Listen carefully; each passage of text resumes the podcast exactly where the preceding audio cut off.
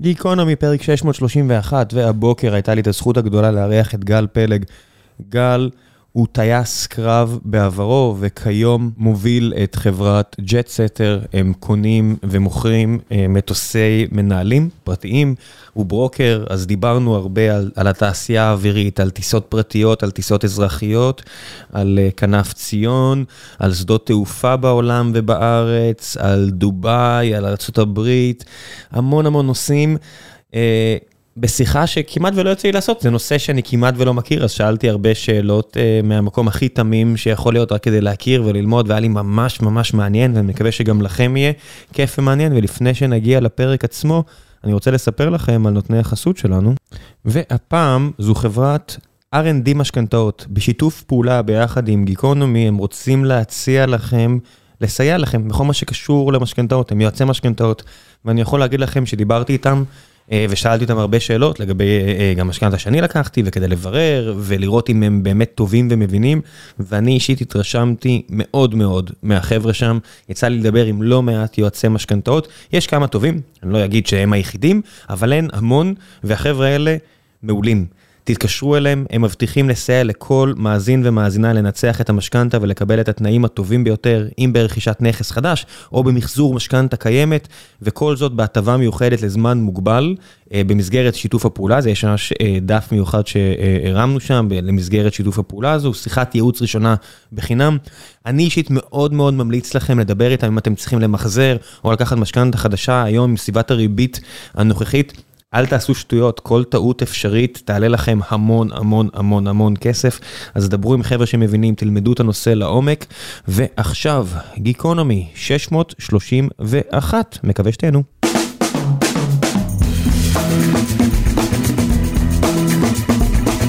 גיקונומי פרק 631, והבוקר יש לי את הזכות הגדולה לארח את גל פלג, מנכ"ל חברת ג'סטר. איך קוראים לחברה? ג'ט סטר. ג'ט סטר, סליחה. שמוכרת וקונה מטוסי מנהלים. בוקר טוב. בוקר טוב, זה, זה עיסוק לא, לא הכי שגרתי. איך, איך התגלגלת לסיפור הזה, גם כטייס, גם כהכול? אני הייתי ילד שמתקן לכל ילדים בשכונה את האופניים, אחר כך זה האופנועים ומכוניות ישנות, התגלגל גם למטוסים, אותו דבר. רגע, תגיד, כשאתה ילד כזה ואתה מאוד טכני, הצוותי האוויר שהם לא טייסים, קצת, אתה, קצת מעצבנים אותך? אתה מעצבן אותם שאתה בא וקצת מעיר להם יותר מדי? כן, זה היה קצת ככה פעם, שקופץ לי עכשיו לראש זיכרון מאוד ספציפי, שבתור טייס קרב באתי ודפקתי עם היד, כמו שטייס אמור לבדוק את המטוס לפני טיסה, על הבידון, על המכל דלק הענתיק שתלוי על הכנף. שמשהו מלא? זה הבדיקה? בדיוק, אז הבדיקה, והיה נשמע לי רעש קצת עמום, ואמרתי למכונאי, אתה בטוח שזה מלא? אז הוא התרגז ופתח את הפקק והראה לי. אבל בדרך כלל זה מתקבל בהבנה. כן, היה מלא. איך אתה, מה זה כמו אבטיח, שזה בעצם אמונה תפלה? האוזן לא הייתה מכווננת באותו יום. זה בעצם, אתה יודע, כטייס, לפני שאתה נכנס לקוקפיט של טייס קרב, זה הבדיקה, הבדיקה מסתכמת בטפיחה פעמיים על הביטנה הזו? תראה, אני טסתי במטוס כפיר שהוא גלגול של המיראז' ומערכת הדלק שם לא הייתה הכי מבריקה. במטוסים מתקדמים יותר כבר המד דלק אומר לך, אתה מאמין לו. אבל שם גם היה כדאי לבדוק אם באמת זה נכון, אם המד דלק צודק. יש איזושהי נוסטלגיה בקרב אנשים שטסו גם וגם, שהם עוד אומרים לעצמם שפעם היה יותר כיף, יותר נחמד, יותר משהו? כן, כל, לפחות כל טייס קרב יש לו איזשהו, איזשהו קשר רגשי למטוס שלו, לרובם. טייס אוהב את המטוס שלו ויש העדפות, כן. אבל יש איזושהי אמונה שמשהו פעם היה טוב יותר? זאת אומרת, אתה יודע, אנשים שנוהגים על מכוניות יכולים להגיד, המכוניות החשמליות אולי מתקדמות יותר, אבל הן לא מרגישות כמו מכונית. הטכנולוגיה והחדש תמיד יותר טוב. גורם לך קצת לקינה, שלא יצא לך לטוס על המטוסי הקרב החדשים? כן, קצת כן. אתה מסתכל ואתה אומר, וואו, כאילו, כן, הייתי שמח. כי מה? כי זה יכולות תמרון עדיפות, כי זה מהירות? לא, דווקא זה לא סוד צבאי, ה-F35 שיצא לי רק לראות אותו מלמטה, הוא מטוס שמתמרן פחות טוב, אבל היום קרב האוויר ה dog fight הוא כבר passé. מ-100 קילומטר אתה יכול לעשות מה שאתה צריך. לא 100, אבל מרחוק, כן. ראיתי איזה ניתוח שעכשיו שמישהו פרסם שאם יהיה משהו בין צפון לדרום קוריאה, אז הדרום קוריאנים עם ה-F35, ומהצד השני יש מטוסים מוזרים כאלה, צפון קוריאנים, שיש להם כנראה גם יכולות תמרון נורא גבוהות, אבל אפילו החימוש נורא פרימיטיבי, ואז מישהו אומר, כן, הוא בטוח מקרוב יהיה יותר נחמד לטיסה מול ה-F35, אבל הוא לא יגיע מקרוב, יש לו אפס סיכוי להגיע למקרוב הזה. תראה, תלוי כמה יש, וכן יכול להגיע, וטייסים כן מתאמנים מה יקרה אם כן יגיע, אבל אם יגיע לטווח קרוב, זה משהו לא ישתבש. זה קורה? זאת אומרת, ההרגשה הזאת שאתה נמצא בתוך קוקפיט ורואה מטוסים אחרים, זה משהו שחווית באימונים ובכאלו? בוודאי, זה מה שאתה מתאמן, זאת אומרת, טייסים מתאמנים הרבה מאוד בקרבות אוויר, גם טייס שהוא מיועד להיות טייס תקיפה. אתה מתאמן כי זה מפתח, לפחות בזמני הייתה אמונה כזאת, שזה מפתח יכולות שחשובות לטייס. איך אתה יכול להתאמן על סיטואציה של קרב אוויר אם אתה רגיל ומכיר וטס על מטוס שהוא מטוס מטוס תקיפה בטווח ארוך, הפצצה, כל הדברים האלה? לכל מטוס, גם מטוס תקיפה הוא תמיד לוקח טילים ויש לו כדורים בתותח, והוא כן יכול, ויש לא מעט דוגמאות רבות מאוד של חיל האוויר שלנו, שמטוסי תקיפה הפילו, השתתפו בקרבות אוויר ואפילו ניצחו והפילו. כן, אני מניח שזה סוג של רעש, של לא יודע מה, של אדרנלין, שאין בשום מקום אחר בחיים שלך מאז. כן, כן, במידה רבה זה אפילו קצת עצוב שהגעתי לכאלה ריגושים שלא יהיו עוד פעם. אתה יודע, שירתי בעוקץ בצה"ל, ואנשים חושבים שהכלבים שם עוברים התעללות והכל, ואני אומר להם, הכלב שלי שנפצע, המשיך אחרי זה עוד 12 שנים ככלב אזרחי. בבית, ולך תסביר להם שלמי ש... לכלב שהגנטיקה שלו מוכוונת לעבודה ומשחק, האלטרנטיבה שלא משחקים איתו, מה שהוא מגדיר כמשחק, כל היום, זה ירידה עצומה באיכות חיים. אתה יודע, אין מה לעשות, אם זו הגנטיקה, זו הגנטיקה. כן. לא כולם נועדו לרבוץ. נכון, זאת אומרת, האושר של ה... אני אוהב כלבים מאוד מאוד. והאושר של כלב, כלב עבודה, הוא לא פחות מכלב פינוק. לא, זה פשוט אנחנו תופסים את סטנדרטים אחרים. טייסים שהגיעו מחיל האוויר לטיסות אזרחיות, זה משהו שמורגש בהתחלה, שהם עושים יותר מדי, שהם... הם אחרת, זאת אומרת, הם באים הרגלים והם חייבים לעבור סוג של חינוך מחדש. עכשיו, כשמגיע טייס תובלה צבאי לחברה אזרחית, הטרנזישן, המעבר הוא מאוד קל, אבל אם זה טייס מסוקים, או טייס קרב, יש לא מעט אדפטציה שצריך לעשות. במסוקים, חלק מהאינסטינקטים של טייס מסוקים הם לפעמים הפוכים לאינסטינקט של טייס של מטוס קבועה, של כנף קבועה, כמו שהם קוראים לזה כנף תקועה. וטייס קרב צריך לעבור סוג של חינוך מחדש. לא טסים בקצה המעטפת, אתה צריך לטוס בטוח, אתה צריך, כל הקטע של עבודת צוות הוא חדש לחלוטין. היום בתעופה מודרנית יש דגש אדיר על CRM, cockpit או crew resource management, ועבודת צוות היא חשובה מאוד, מייחסים לה משקל גם כמטרה בפני עצמה, לא רק כאמצעי לטיסה בטוחה. אני מניח שאתה מתכוון עבודת צוות בתוך המטוס, בניגוד לחיל האוויר שאתה עובד עבודת צוות עם מטוסים אחרים. נכון. כן. נכון. ואותם טייסים, זאת אומרת, צריך לאלף אותם? זאת אומרת, זה במובן של תירגעו, למרות שיש לכם את היום הזה בשבוע שאתם יכולים לעשות מילואים ולהתפרע? לא, זה לא רק התירגעו, זה מנטליות אחרת, תיכנס למנטליות אחרת, זה סוג אחר של מקצוענות, ואתה צריך ללמוד אותו. אני זוכר עליי אישית, עד שאני בראש לא אמרתי לעצמי, נגמר. שחרר, תשחרר, אתה כבר לא, בראש אתה כבר לא טייס קרב, אתה טייס תובלה, לא התקדמתי כמו שצריך בקריירה האזרחית. באיזה גיל זה? הייתי בן 32. זה היה הטיסה האחרונה שלך למטוס קרב? לא, הטיסה האחרונה הייתה גיל 38, משהו כזה. זה רגע מרגש? זה רגע עצוב. כשאתה יוצא ממנו ואתה מבין שיותר אתה לא תחזור? כן, עצוב, ממש עצוב. אני הרגשתי סוג של אבל. רקנות? לא רקנות, אני הרגשתי אבל, ממש סוג של אבל, של פרידה עם צער גדול. וזה משהו שמלווה אותך עד היום או שזה דעה? כן, כן. היה לי קטע מדהים, זאת אומרת, אני טסתי על רוב הקריירה הצבאית שלי, טסתי על כפיר, וכפירים כבר שנים לא טסים בחיל האוויר, ויום אחד חלמתי בלילה שאני נוסע ורואה רביעיית כפירים מגיעה לנחיתה, ואני פתאום תוך כדי החלום חשתי אכזבה וקשה, כאילו, מה, מראש יש כפירים ולא קראו לי בחזרה, ואז מרוב האכזבה הקשה בחלום התעוררתי, אמרתי לעצמי, טוב, היה חלום, אבל לא הצלחתי להשתחרר מהתחושה של העלבון, ולא נרדמתי, אמרתי לעצמי, איזה מפגר, זה היה חלום, תחזור לישון, אבל העלבון נשאר. הרגש. אתה חושב שהחיבור הזה לכלים בסוף, לכלים שאמורים, כלים פונקציונליים במהותם, אבל יש להם חיבור רגשי כל כך חזק, יפריע לחילות אוויר, נגיד חיל האוויר הישראלי, לעשות מעברים למל"טים ומזל"טים למיניהם וכו', כי יש בסוף אנשים שם שרוצים לטוס? כן, חד משמעית כן. אני חושב שזה אולי כבר עיכב, למרות שחיל האוויר הוא מהמובילים, הישראלים המובילים בעולם, בשימוש בכלים בלתי מאוישים, או כמו שהיום אוהבים לקרוא לזה, מאוישים מרחוק. אז אני חושב שזה הפריע. היו כמה נביאים שכבר בשנות ה-80 אמרו שצריך להקצות יותר משאבים לכלים המאוישים מרחוק, או הבלתי מאוישים קראו לזה אז. אני חושב שכן, זאת אומרת, זה שאת המערכת מנהלים טייסים, יש לזה השפעה על ההחלטות. היה פה, לא מזמן, אני לא אציין את שמו כדי לא לשרוף קשרים עבורו, אבל הוא מישהו שהיה מספיק בכיר במערכת הביטחון, והוא אמר שמבחינתו, כמי שהיה מאוד, נגיד, טקטי, אסטרטגי, רגלי, שהוא מסתכל על השריונרים ועל חיל האוויר ועל הכל, הוא אומר, איך הם לא מבינים שזה בזבוז זמן כבר לא לעשות כל מה שאפשר כדי להתקדם לכיוון רובוטיקה למיניה בכל מקום. כן, אני אגב הייתי, לפני שהייתי טייס, הייתי קצין, קצין תותחנים. אז במשך שנים עוד קצת נשארה לי ההבנה והתחושה של איך זה להיות שם למטה. ואיך זה משפיע?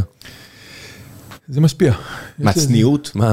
קצת, קצת הבנה, בייחוד כשאתה עסוק במשימות של סיוע אה, לכוחות קרקע. זה חשוב, לפחות לי, אני, אתה, אתה מרגיש, אתה, אתה יודע איך זה שם, איך זה להיות שם למטה.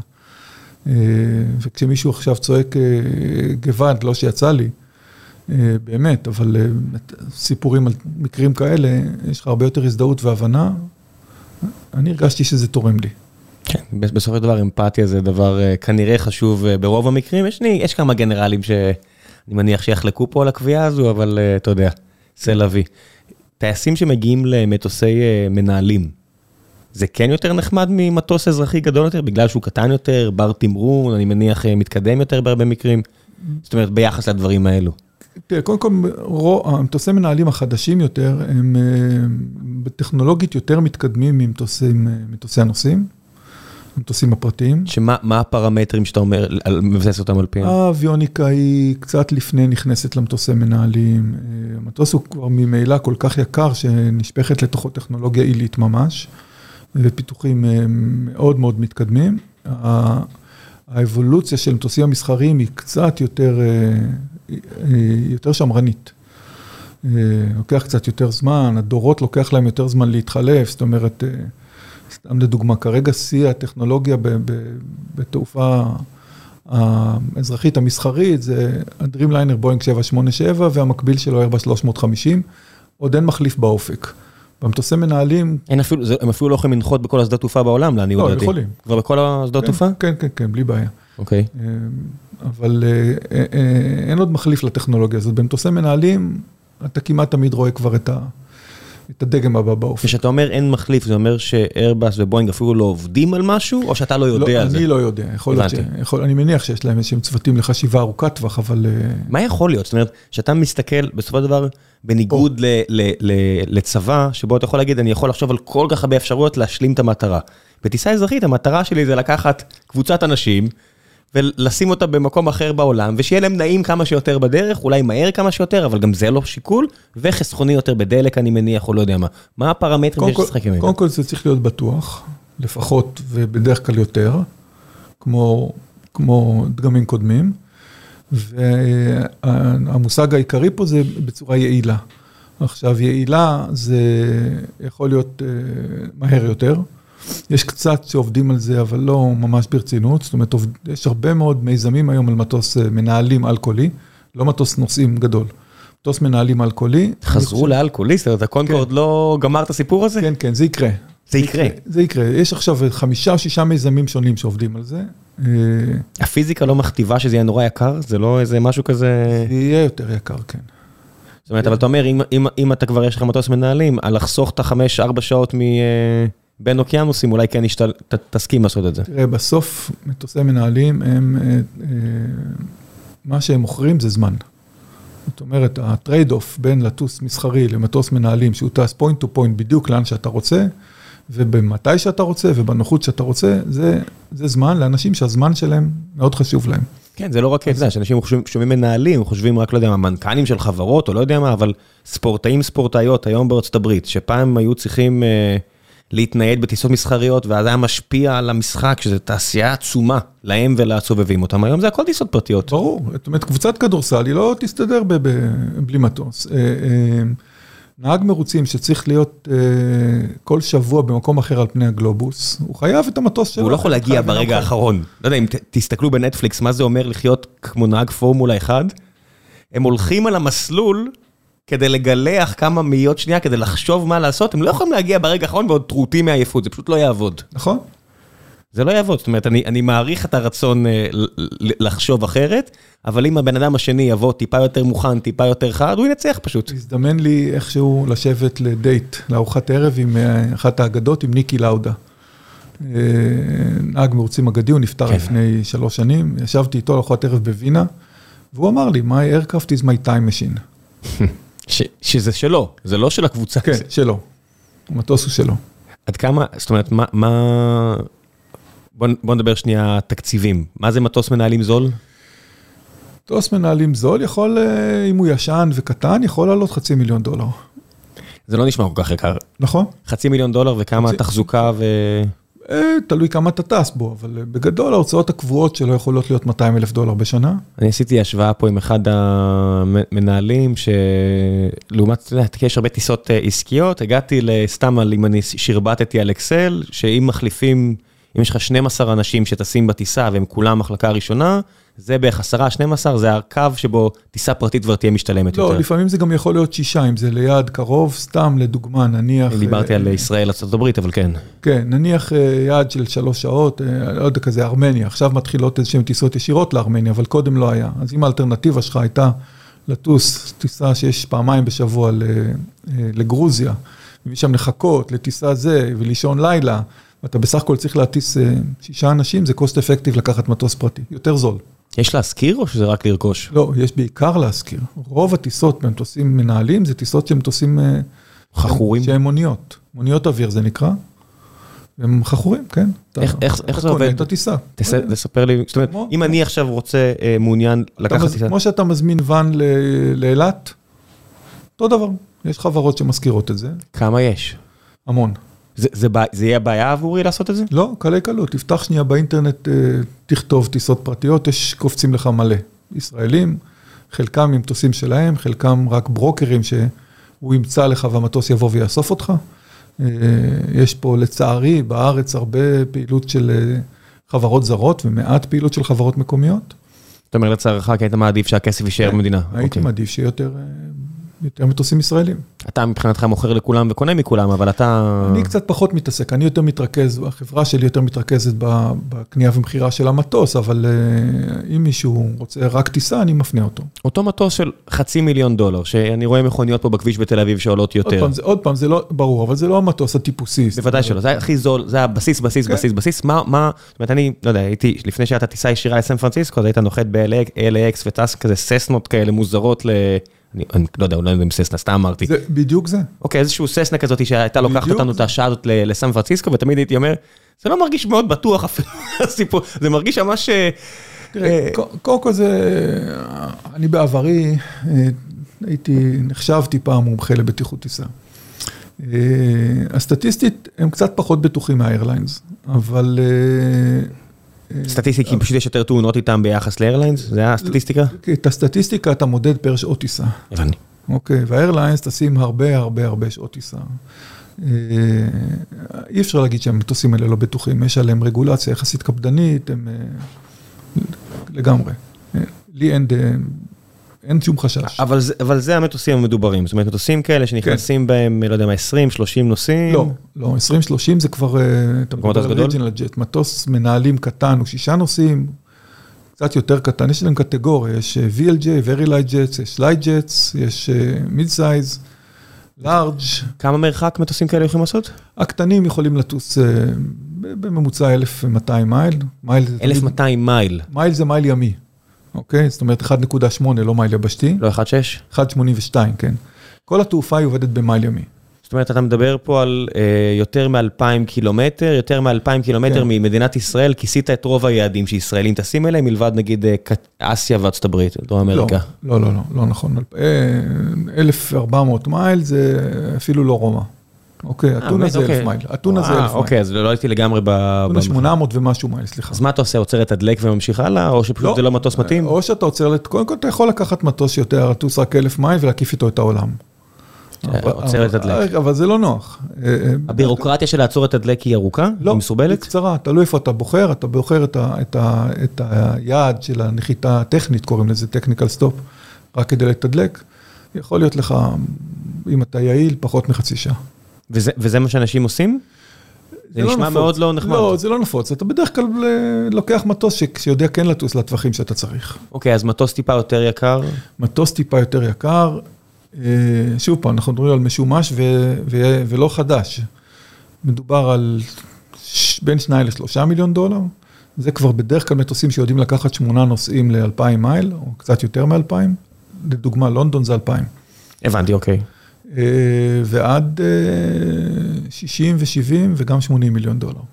שכשהמחירים נעים בגלל מה שיש בפנים, זאת אומרת, היכולת לקסטם את הפנים של המטוס? גם, אבל זה לא העניין, זאת אומרת, כל האינטריור הוא לבריאות. תודה רבה. כל האינטריור הוא לא הוצאה המאוד גדולה, אלא כל הפיתוח וכל הטכנולוגיה, חלקים, זאת אומרת, יש היום מטוסי מנהלים שיודעים לטוס 8,000 מייל. 8,000 מייל זה בקלות, בקלות, קלות מפה ללוס אנג'לס, והוא גם יודע לטוס את זה בערך בשעה ו-20 פחות ממטוס נוסעים. שזה בגלל אילוצים כאלה ואחרים? לא, הוא טס יותר מהר ויותר גבוה. הוא טס יותר מהר ויותר גבוה? כן, מטוסי הנוסעים טסים בדרך כלל בין 38 ל-40 אלף רגל, סדר גודל, והמטוסים האלה טסים כמעט 10,000 רגל יותר גבוה. זה עניין של רגולציה או עניין טכני? לא, עניין טכני, המטוס הוא פשוט... קל יותר? הוא, קשה להגיד שקל, אבל הוא בנוי אחרת, הוא בנוי למהירות גבוהות.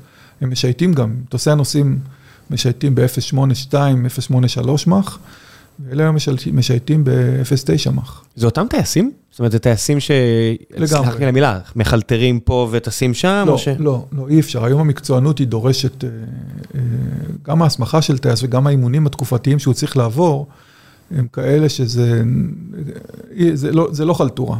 בקטנים מאוד אולי כן, אבל בגדולים, זאת אומרת, רק להסמיך טייס לוקח לך, את הקורס הבסיסי לוקח חודש ועולה מעל 100 אלף דולר. רגע, רגע, רגע.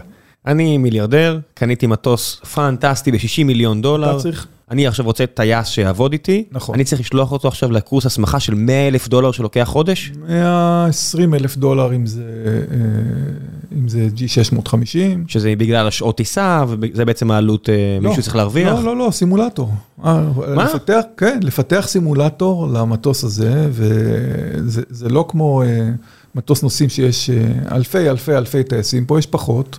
הסימולטור הוא אחד או שניים בעולם. כן.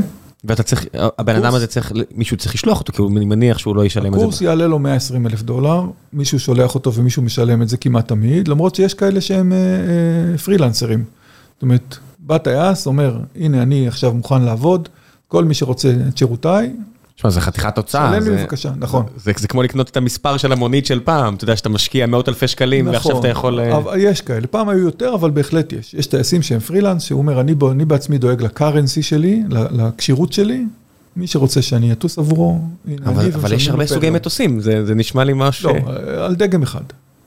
על דגם אחד. עכשיו, גם להבדיל מהתעופה האזרחית, ששם יש קומונליטי. קוראים לזה, זה חלק מאוד משמעותי, הפילוסופיה של איירבס למשל היא קומונליטי, זאת אומרת שכמעט כל איירבס יהיה דומה לאיירבס אחר, והטרנזישן מדגם אחד לשני הוא מאוד מאוד פשוט. אבל אין סטנדרטיזציה ביחס לבואינג, זאת אומרת זה לא שאיירבס מנסה להיות דומה לבואינג. לא, לגמרי לא, להפך, הם מנסים לבדל את עצמם מבואינג, ובפילוסופיה ובתפיסת עולם הם שונים לגמרי. אז במטוסי מנהלים כמעט שאין שום commonality. מטוס אחד לא דומה לשני, זה שיש לך type על... על רישיון להטיס מטוס אחד, אתה רוצה אחד אחר, זה עוד פעם חודש קורס, עוד פעם הוצאה מאוד גדולה. מי המותגים המובילים בעולם הזה? במטוסי מנהלים, הגדולים ביותר זה גאלפסטרים, ג'נרל דיינמיקס, חברה אמריקאית, השני בגודלו זה בומברדייה, אחר כך יש את אמבראר, ברזילאים, בומברדייה זה חברה צרפתית. קנדי, קנדי. הם לא חברה שגם עשו מטוסי קרב פעם, מנועים למטוסי קרב או משהו? הם בנו הרבה מאוד דברים, הם בנו הרבה מאוד, למשל מטוסי כיבוי אש, מטוסים שהם ריג'ינל ג'טס, קטנים יותר. יש אמבראר, ברזילאי, ויש ססנה, שהם שולטים בתחום של הקטנים, ויש את דסו, צרפתי. שאתה מתעסק, אתה עובד עם כולם? כן. אתה יודע, זאת אומרת, שאתה מקבל טיפ על מישהו שפשט את הרגל ועכשיו הוא מוכר, או לא פשט את הרגל, לא יודע מה, רוצה להיפטר מהמטוס שלו, אתה קופץ אליו ו... זה בדיוק מה שאני אוהב. נגעת בדיוק בנקודה, אני מחפש תמיד foreclosures. זאת אומרת, עסקאות שהבנק ישתלט על מטוס, כמעט תמיד במטוסים העיקריים המטוס הוא ממומן על ידי בנק. יש מעט בנקים בעולם שעושים את זה, חלק מהקשרים שלי זה עם הבנקים. תנו לי טיפ, מתי פה יתממש ה foreclosure, שלפעמים זה לוקח שנתיים, שלוש, התהליך. הגיע אליי פעם קבוצת יזמים, שלפני הרבה שנים שרצו להשתמש בבלוקצ'יין כדי לדאוג לתחזוקה של המטוסים. זאת אומרת, זה היה מספיק שנים שאני מניח שאפשר לדבר על זה בצורה פתוחה, אם עשו עם זה מה שהם עשו עם זה משהו, והם הסבירו לי את הסיטואציה שבה הבנקים בעצם מממנים את הטיסה, והם לא יודעים מה המצב של המטוסים בין לבין, כדי לדעת מה מצב הנכס שלהם. ואז בעצם צריכים להסתמך על זה שכל פעם שמישהו נוחת, הוא רושם באיזה צעטלה, אבל לא בצעטלה, באיזשהו נייר את כל הבדיקות שהוא עושה, ויש פה איזשהו מרכיב של אמון. ואם היה אפשר לשפר את העניין הזה, אז מישהו היה מסכים. אז ניסיתי קצת להיכנס לעניינים ולחקור את זה, לא יצא עם זה שום דבר אז, אבל הבנתי איזה, איזה רמת מורכבות זו, העבודה שזה גם המימון, גם ה financing של המטוסים האלה, גם התחזוקה שלהם, ואז גם העובדה של תקשורת ולנהל את כל הסיפור הזה. כזה רעיון של להשתמש בבלוקצ'יין עבור מעקב, עבור בנק לא שמעתי, אבל בהחלט שמעתי כן אפשרות של שימוש בבלוקצ'יין כדי, על התהליך של הקנייה. ואני גם חושב שזה יקרה בסופו של דבר, כי הקנייה היא, היא, היא, היא מסובכת. ההוכחת בעלות שתהיה חד משמעית כמו שהבלוקצ'יין מאפשר, מאפשר לך כלפי כל העולם. ככה אתה, נניח שאתה קונה מטוס באפריקה, אתה צריך כל כך הרבה בדיקות לראות שאין איזשהו עיכול עליו מטעם מישהו, אין... קורה לך שאתה יודע, אתה קנית מטוס ואז מישהו שלח לך מכתב, תקשיב, תחזיר? לא, לא קרה לי. יש משהו, יש אמנת קייפטאון. שהיא הקימה סוג של טאבו בינלאומי, אבל לנכסי דלא ניידי, בעיקר למטוסים ומנועים של מטוסים. כמו שבטאבו, אם אתה רושם את הזכות שלך, זה לפחות כלפי כולי עלמא, כמו שזה נקרא, הבעלות היא שלך, אז פה יש, הקימו מה שנקרא International Registry of Mobile Assets, זה יושב בדבלין, ואמנת קייפטאון, לא זוכר, נדמה לי מ-2008. ושם אתה יכול לרשום בעלויות. שבגלל שיש כל כך הרבה עסקים לא חוקיים שמשתמשים במטוסים האלה, אז רצו להסדיר את זה? מה... לא, אני לא חושב שזה בגלל שעסקים לא חוקיים, זה פשוט היה צורך כזה. זאת אומרת, אני מניח שזה גם חלק מהעניין שבסופו של דבר סוחרי סמים או כל מיני כאלה, הרי זה ידוע, כל הפולקלור הזה של מקולומביה לפה ומאנגליה לארצות הברית, מארצות הברית, אתה יודע, כל הסיפורים האלה מהאוורד מרקס וכל מיני כאלה שהעבירו את הדברים שלהם, איך שהעבירו את זה, או הטייסים קולומביאנים. אני מניח שיש מטוסים שפתאום ה-FDA יכול לדפוק לך בדלת ולהגיד, תביא, תביא, אני צריך את זה כראיה למשפט, אני יודע. כן, אני גם יודע על כמה כאלה שקרו, זאת אומרת, זה מיד דבר שתופס כותרות. זה אנקדוטות שיודעות להגיע לעיתון. כן. כן. אבל זה לא משהו שבאמת משפיע על העסקים באיזושהי צורה, כי בסוף רוב השימוש הוא חוקי ורגיל. כן, זה כל כך, זה, אני יודע, זה בדיוק כמו להשתמש בכל דבר אחר כדי לעשות פעילות בלתי חוקית, אבל זה... אוניות וסירות. היום נדיר וגם הסיכון הוא גדול, זאת אומרת, הסיכון הוא גדול, זאת אומרת... איך, איך אוכפים את ה... זאת אומרת, הנה, נחתת עכשיו לחצי שעה, יצאת, איך אה, המכס וכל הארגונים האלו, בכלל עובדים מול התעשייה הזאת. בודקים כמו כל מטוס אחר, זאת אומרת... נחתת לתדלק, מישהו עכשיו, אתה יודע, מישהו יבדוק אותך? קודם כל אם נחתת לתדלק ואתה ממשיך, אז אין שום עניין למכס פה בכלל. כי שום דבר לא יוצא, שום דבר לא נכנס. בדיוק, שום לא נכנס למדינה, לא שום דבר. ומסתכלים שאף אחד לא יוצא מהמטוס, אף אחד לא נכנס. ברור, איזה שאלה. לא, אתה יודע, לך זה טריוויאלי, לבן אדם מהצד, אני לא יודע מה... ברור, אתה נוחת ומיד... יש פקח שמסתכל? כן. טוב. לא, שדה תעופה הוא לא הפקרות. אני יודע, אתה המומחה פה. לא, לא, מאוד מסודר. תראה, בתעופה הפרטית, כאן לא, זאת אומרת, אצלנו בארץ לא, אתה צריך לרדת מהמטוס, ללכת לביקורת דרכונים. מה? כן. עצרתי לתדלק, אני צריך לעשות ביקורת דרכונים? לא, לא, לא, לא תדלוק, כשאתה מגיע ליעד שלך. אוקיי. אבל בהרבה מאוד מקומות המכס והאימיגריישן מגיע אליך. אתה שולח להם הצהרה לפני כן, מתי אתה מגיע, והם מגיעים אליך למטוס. עולים למטוס, מסתכלים בדרכונים בתוך המטוס, ואומרים לך, זה פשוט כי, זה, כי הם רוצים להיות יותר שירותיים, ורוצים להתחרות כן, על הנושאים. כן, כן, לגמרי, זה חלק מה, מה, מה... מי שיודע לספק שירות כזה, להגיד, אתה לא צריך עכשיו לרדת מהמטוס, לנסוע למכס, לעמוד שם בתור, אה, לבאים אליך, זה חלק מהשירות שהם מוכרים, אה, מה שנקרא מושג מקצועי, FBO, שזה טרמינל מטוסי מנהלים. אני מניח שזה חלק מה... הרי היום אה, שדות תעופה, בעיקר באירופה, הם גם האנגרים לאומנות. יש שם כמויות אומנות עצומות שהם שומרים עליהם בגלל שזה פרי פורטס וכל הדברים האלו. אני מניח שזה חלק מהחבילה הגדולה, לא? של בוא נעשה נוח לאנשים ש... שאנחנו חפצים בעיקרם? יכול להיות, לא נתקלתי בזה. זה, זה לא חלק מהעסק הרי, זה בדיוק אותם אנשים, לא? מי שמאחסן אומנות בציריך הוא גם מי שיקנה מטוס פרטי, אני מניח. אה, יכול להיות, אני לא... אתה לא מתערב בעסקים. לא, נתת לי פה רעיון שיווקי, אבל אין לי מושג, לא נתקלתי בזה.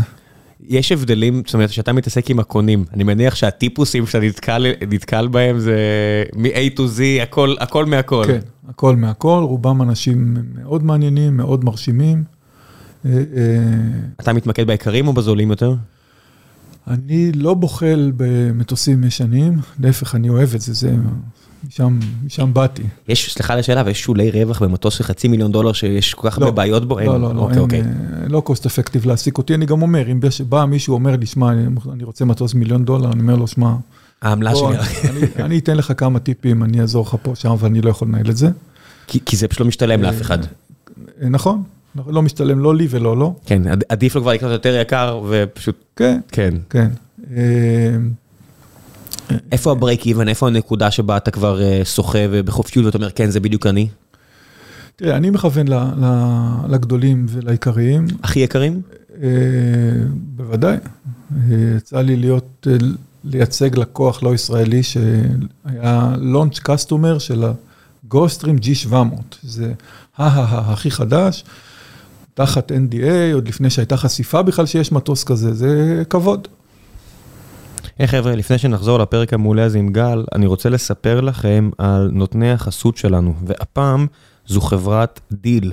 חברת Deel מסייעת ל StreamElements ולשלל חברות אחרות להעסיק אנשים בכל רחבי העולם, גם אם אין לכם ישות משפטית או חוקית באותה מדינה. לצורך העניין, לנו יש בארצות הברית ובישראל, אבל אנחנו מעסיקים עובדים בגרמניה וספרד ושאר המקומות באירופה ובמקומות באסיה, ו Deel עוזרת לנו בכל מקום ומקום, מספקת מעטפת שלמה מסביב לכל מה שקשור להעסקה הזו, אה, אם, אם זה אומר פרילנסרים למיניהם, שכירים במשרה מלאה, וגם אם לחברה יש ישות משלה ברחבי העולם, Deel עדיין יודעת לטפל במשכורות של כולם, זה פשוט עולם אחר מבחינתנו לעבוד איתם לעומת אה, לא לעבוד איתם.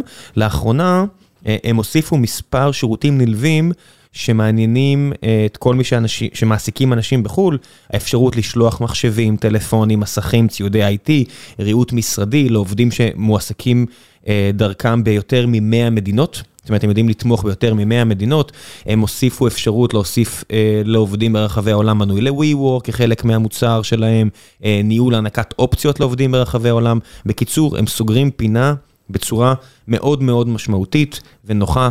דברו איתם, תגידו שהגעתם דרך גיקונומי ושיהיה המון המון בהצלחה. דיל. ועכשיו, בחזרה לפרק עם גל, מקווה שאתם נהנים. מה זה, השתמשת בקשרים שלך בשביל... אחד כן, אחד מ-20 בעולם, ואתה יושב עם ההנהלה, עם המנכ"ל של החברה הגדולה, שהיא היצרנית הראשונה, זה... שמחתי מאוד שזה הגיע. הם בוררים את הלקוחות שלהם, כמו כזה חברת כן. שעונים או פרארי, לא יודע מה? כן, כן, חשוב, הלקוחות של... זה לא, הם לא בוררים, בסוף הם ימכרו, אני לא רוצה להגיד לכל אחד, אבל הם רוצים למכור. אה, אבל בהחלט חשוב להם מי הלקוח, כן. מי מגיע? גם הטייס מגיע או רק הבעלים? הטייס לא מגיע בשלב של המשא ומתן, הטייס מגיע לשלב של הקבלה של המטוס. קבלה של מטוס כזה, יש הרבה מאוד בדיקות קבלה, אתה גם אה, אחראי על כל התהליך של התכנון שלו, אה, שזה משהו כמו מעל שנתיים. מה, מה? כן. לא מבין. מה, מה, מה, מה, מה, מה קורה בשנתיים האלו? אתה... מה, זה, מה זה דירה? בונים אותו. בונים אותו לפי הדרישות שלך. כמה כבר מקום יש למשחק פה? יש מקום למשחק. ספר. אתה יכול להחליט אם אתה רוצה את המיטה מאחורה או באמצע, אתה יכול להחליט אם אתה רוצה מקלחת במטוסים הגדולים. איפה מגיע המים? מה זה מקלחת? יש למטוס מיכל. כמה יש בו? שמישהו צועק, סיימת לי את המים החמים, אני מניח שממש סיימת. כן, כן, כן, תראה, קודם כל זה לא בלתי מוגבל, אבל יש למטוס מיכל מים. גדול? גדול, כן. שמספיק, סלח לי על הפקנטריה, שמספיק מה, לאמבטיה? לא לאמבטיה, למקלחת. טוב, זה ממש נחמד, אני מניח. כן, כן, זה נחמד. אנשים שטסים המון. זה לא רק הטסים המון, זה בעיקר השימוש במטוס, זאת אומרת, המקלחת זה לא מקלחת נוחה, כן? מטוס, שום דבר לא באמת נוח, גם המחלקה הראשונה בטיסה. אבל אפשר בהחלט לטוס לילה, לנחות, לפני הנחיתה ללכת להתקלח, לפעמים אחרי הנחיתה אגב, ולצאת ליום עבודה יעיל. מה עושים? אחרי טיסה, אחרי שבילית 12 שעות במטוס. זה בעולם העסקי, מה הנורמה במנהיגות פוליטית ברחבי העולם? זאת אומרת, פה בארץ היה את כל הסיפור הזה סביב המטוס שבנימין נתניהו בנה, או ביקש, או הזמין, או סיפור. כן, יש את כל הכנף ציון הזה. אז עזוב את זה, נחזור את זה תכף, אבל מה הנורמה בעולם סביב הדברים האלו? יש, לא יודע, בארצות הברית, שהמרחבים הם כאלה גדולים, ואתה צריך לקפוץ לוושינגטון, ואז לחזור הביתה, ואז הם טסים בטיסה מסחרית? מה פתאום? יש לך את הבכירי ממשל אמריקאים שבאים לפה, זה תמיד עם מטוס ממשלתי שהוא בנוי לזה. כמה יש להם כאלה? המון? כן, הרבה מאוד. Air Force One זה לא אחד, יש... אה, זה one מתוך many? הם כולם, כשהנשיא יושב בו, אז האות קריאה שלו זה Air Force One. הבנתי, אבל יש כאלה, למיטב ידיעתי ארבעה. אוקיי, שראויים לנשיא ארצות הברית. כן. שזה מטוס כמו... מטוס אזרחי? זה ג'מבו, זה ג'מבו עם הרבה מאוד התקנות, הוא ג'מבו מאוד מאוד מיוחד, 747. מיוחד מבחינת אבטחה וכאלה? גם, גם אבטחה ומערכות תקשורת ויכולת של תדלוק אווירי, ויש לו מדרגות עצמאיות משלו, ועוד מערכות הגנה מפני טילים ועוד הרבה מאוד. איך מאבטחים דבר כזה? זאת אומרת... שהוא נוחת נגיד באיזה מדינה באפריקה והוא עושה את זה כנשיא ארצות הברית, הרי אנחנו יודעים שכבר היה ניסיונות... הייתה טיסה ידועה של מיד אחרי המלחמה באפגניסטן, של בוש ג'וניור לאפגניסטן. נחת באפגניסטן והלך והסתחבק עם החיילים אחרי הניצחון. ניצחון, כן. כן, זו טיסה מאוד מאובטחת, זאת אומרת, עכשיו, אני לא יודע, כי זה מטעמים ברורים, הם מאוד מסתירים את זה, אבל חלק... יש מטוסי עירות שהם או שטסים לידו או שבאזור, הם משגיחים. אוקיי, אז זה לא שהמטוס עצמו עם פליירים או לא יודע. יש לו כן נורים, אבל אתה יודע, בסוף אם מישהו... לטיסה רגילה יש גם נורים, לא? כן, נגד כדורים של תותח עוד לא מצאו שום... בסוף זה חתיכת מתכת נורא מהירה שמגיעה אליך. בדיוק, שום מחסום. אוקיי, אז בכירי ממשל ברחבי העולם, אני מניח שהם לא כולם עם טיסות אזרחיות גדולות, כי זה נראה לי... לא הגיוני, כי זה אנשים ספורים. לא, לא, כמעט תמיד נהוג, ואני לא מדבר על מדינות עולם שלישי. בכל מדינה שהיא בתמ"ג של ישראל ובגודל של ישראל, נהוג שיש מטוס לראשי המדינה וראשי הממשל. אני גם חושב, דעתי האישית, שעם כל הביקורת כנגד הכנף ציון הזה, עקרונית, ראוי שיהיה מטוס לראשי המדינה. על מה מדובר שם? אתה יכול להסביר לי קצת מה... כמי שהסתכל על זה מהצד, אמרתי, אני לא מבין, אז אני לא רוצה לדחוף את הראש פנימה. מה הסיפור שם היה? הסיפור שם, הביקורת, לפחות לפי מי ש... לפי התקשורת, שזה עלה המון כסף, המטוס הזה. זה אמור לעלות המון כסף? כמה כבר מרווח יש פה? אתה רואה כמה זה עלה עבור לאמריקאים או לאיטלקים, ואתה קונה כזה, לא? תראה, קצת קשה, קצת קשה להשוות. למה? אבל תראה, בואינג 767, שזה הדגם של המטוס הזה, 767-300 משומש, עולה 10 מיליון דולר, give or take. למה משומש ולא חדש? כי רצו לחסוך, לא רצו לקנות חדש. וזה משהו שהוא הגיוני בעיניך? בעיניי באופן אישי זה הגיוני, יש הרבה מאוד ביקורת על זה שזה מטוס שהוא כבר out of production. אבל פה ניסו להיות צנועים מלכתחילה. אני בעיניי חושב שההחלטה היא החלטה נכונה, אבל כל התהליך הוא היה ארוך ויקר. למה? בגלל הביקורת? בגלל איך שישראל עובדת בסוף כמדינת בירוקרטית? אתה לא יודע. אני לא יודע להגיד לך, אין לי מספיק נתונים. לפחות לפי מה שפורסם, שזה עלה משהו כמו 800 מיליון שקל עד היום, או 750 מיליון שקל, זה too much. זה נשמע מוזר, אם אמרת שהמטוס עולה 10 מיליון דולר. נכון. הבנתי, בסדר, טוב, אז, אז אני מבין את הביקורת, כי המספרים פה לא, לא מתחברים בראש. הביקורת היא בעיתונים, ודוח מבקר המדינה וכולי, לא... לא, היה חסר לי פשוט הפער הזה בין, בין שני המספרים, זה, זה, כן. זה מסביר. טוב, אני מניח שעכשיו ישמישו אותו וישתמשו. אבל, אבל לעצם השאלה, כן, יש. אגב, יש מקרה דומה במקסיקו, אה, אה, נבחר נשיא חדש, והוא אה, להב, אמר גם כן, אני לא אשתמש במטוס הזה מעולם, אף פעם. המטוס עומד למכירה, זה דרימליינר מיוחד, כבר בערך שנה שהוא למכירה, אני חושב שהוא עוד לא נמכר. למה? למה אני, כמומחה בתחום, למה אתה מסביר, איך אתה מסביר את זה? זה, תראה, הדרימליינר, ובכלל מטוסים מודרניים, מטוסים שרוב חלקי הגוף שלהם זה מחומרים מרוכבים, זאת אומרת, לא מתכת. composite materials, ושינויים במטוס כזה קשה. קשה לעשות. אה, מסובך, זה לא מתכת שאתה יחסית אה, בקלות. אתה צריך לייצר עכשיו משהו שבעצם יהיה דומה לחומר המרוכב המקורי, ולך תפגע בדיוק בול, ואם יש חוסר כן, התאמה, זה יכול... ואיפה מחברים, ואיפה עושים כן. כאלה דברים, והתצורה שלו היא תצורה מאוד ספציפית, מאוד מיוחדת, וצריך מישהו שזה יתאים לו. אה. זאת אומרת, זה, זה מטוס שאתה קונה, ואתה יודע שעלויות התחזוקה שלהם גדולות, ואם יש בעיה, אתה יודע שאתה תשלם הרבה על התיקונים. כן. לא, גם לא רק זה, השינויים בקונפיגורציה הפנימית הם מאוד מאוד מסובכים במטוס שהוא מחומרים מרוכבים. איך, איך אה, מבטחים סיפורים כאלה? זאת אומרת, מישהו עכשיו קנה ממך מטוס, הבאת לו את ה... סלח לי, השאלה מטומפשת, יש מפתח? או שזה כפתור? כן, כן, לא, יש מפתח. יש מפתח? לא, לא, לא, לא ל switch של ההתנעה של המנוע, זה לא, זה כן עם כפתור, אבל לדלת יש מפתח. לכל הדלתות? לכל הדלתות ולכל הפתחים יש מפתח. מאז 9-11 אני יודע שנועלים את הקוקפיט של טיסות אזרחיות, זה גם במטוסים פרטיים ככה עכשיו? אה, יש בהם, תלוי באיזה, זאת אומרת, באלה שהם בנויים על בסיס airliner, על בסיס מטוס אה, אה, נוסעים, אז כן, יש, במטוסי מנהלים. ומי מקבל את המפתח לדלת של הטייס? רק הטייס? ברוב המטוסי המנהלים אין, אין מפתח, לפעמים יש וילון, כמעט תמיד יש וילון, ויש בדרך כלל עוד דלת ממש, דלת מעץ, דלת מבדלת כזאת בין התא הנוסעים לגלי, עם הגלי הוא מקדימה, גלי זה המטבחון. הטייס שומע את מה שקורה אחורה? כן.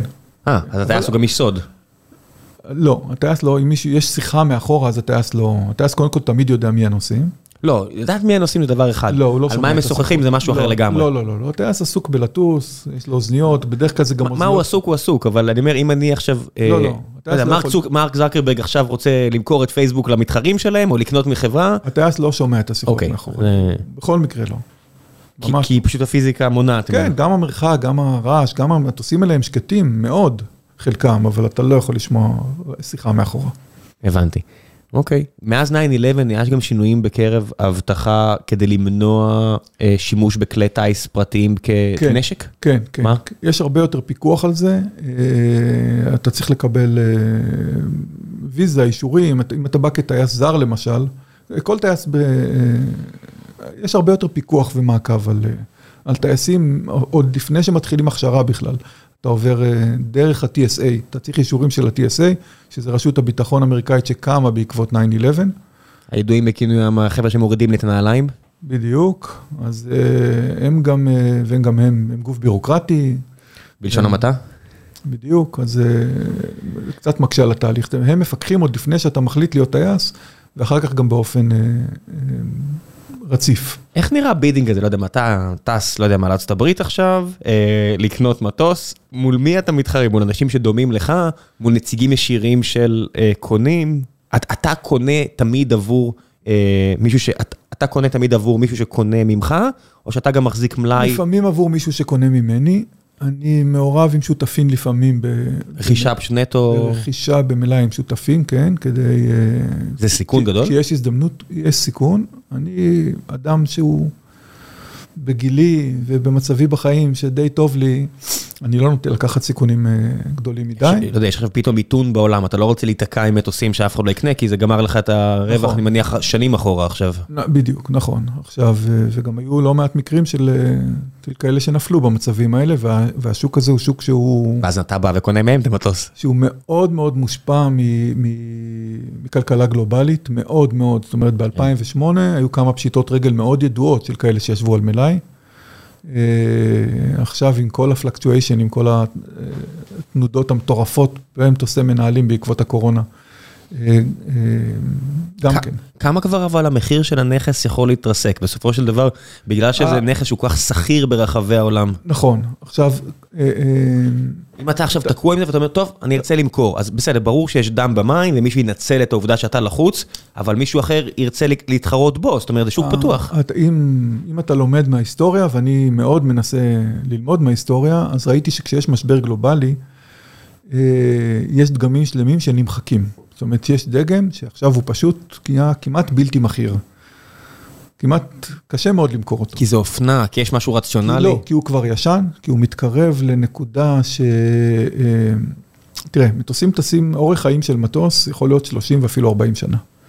עכשיו, המטוס מגיע לזה כי הוא דורש תחזוקה, ותחזוקה שהיא תחזוקה קלנדרית, זאת אומרת, ברוב מטוסי המנהלים, טסת, לא טסת, הגיעה ביקורת של שמונה שנים. כמו מכונית. אתה חייב לעשות אותה, לא, במכונית זה יותר לפי קילומטרים. למה? יש לי את הטסט השנתי, אני יודע, לא משנה מה.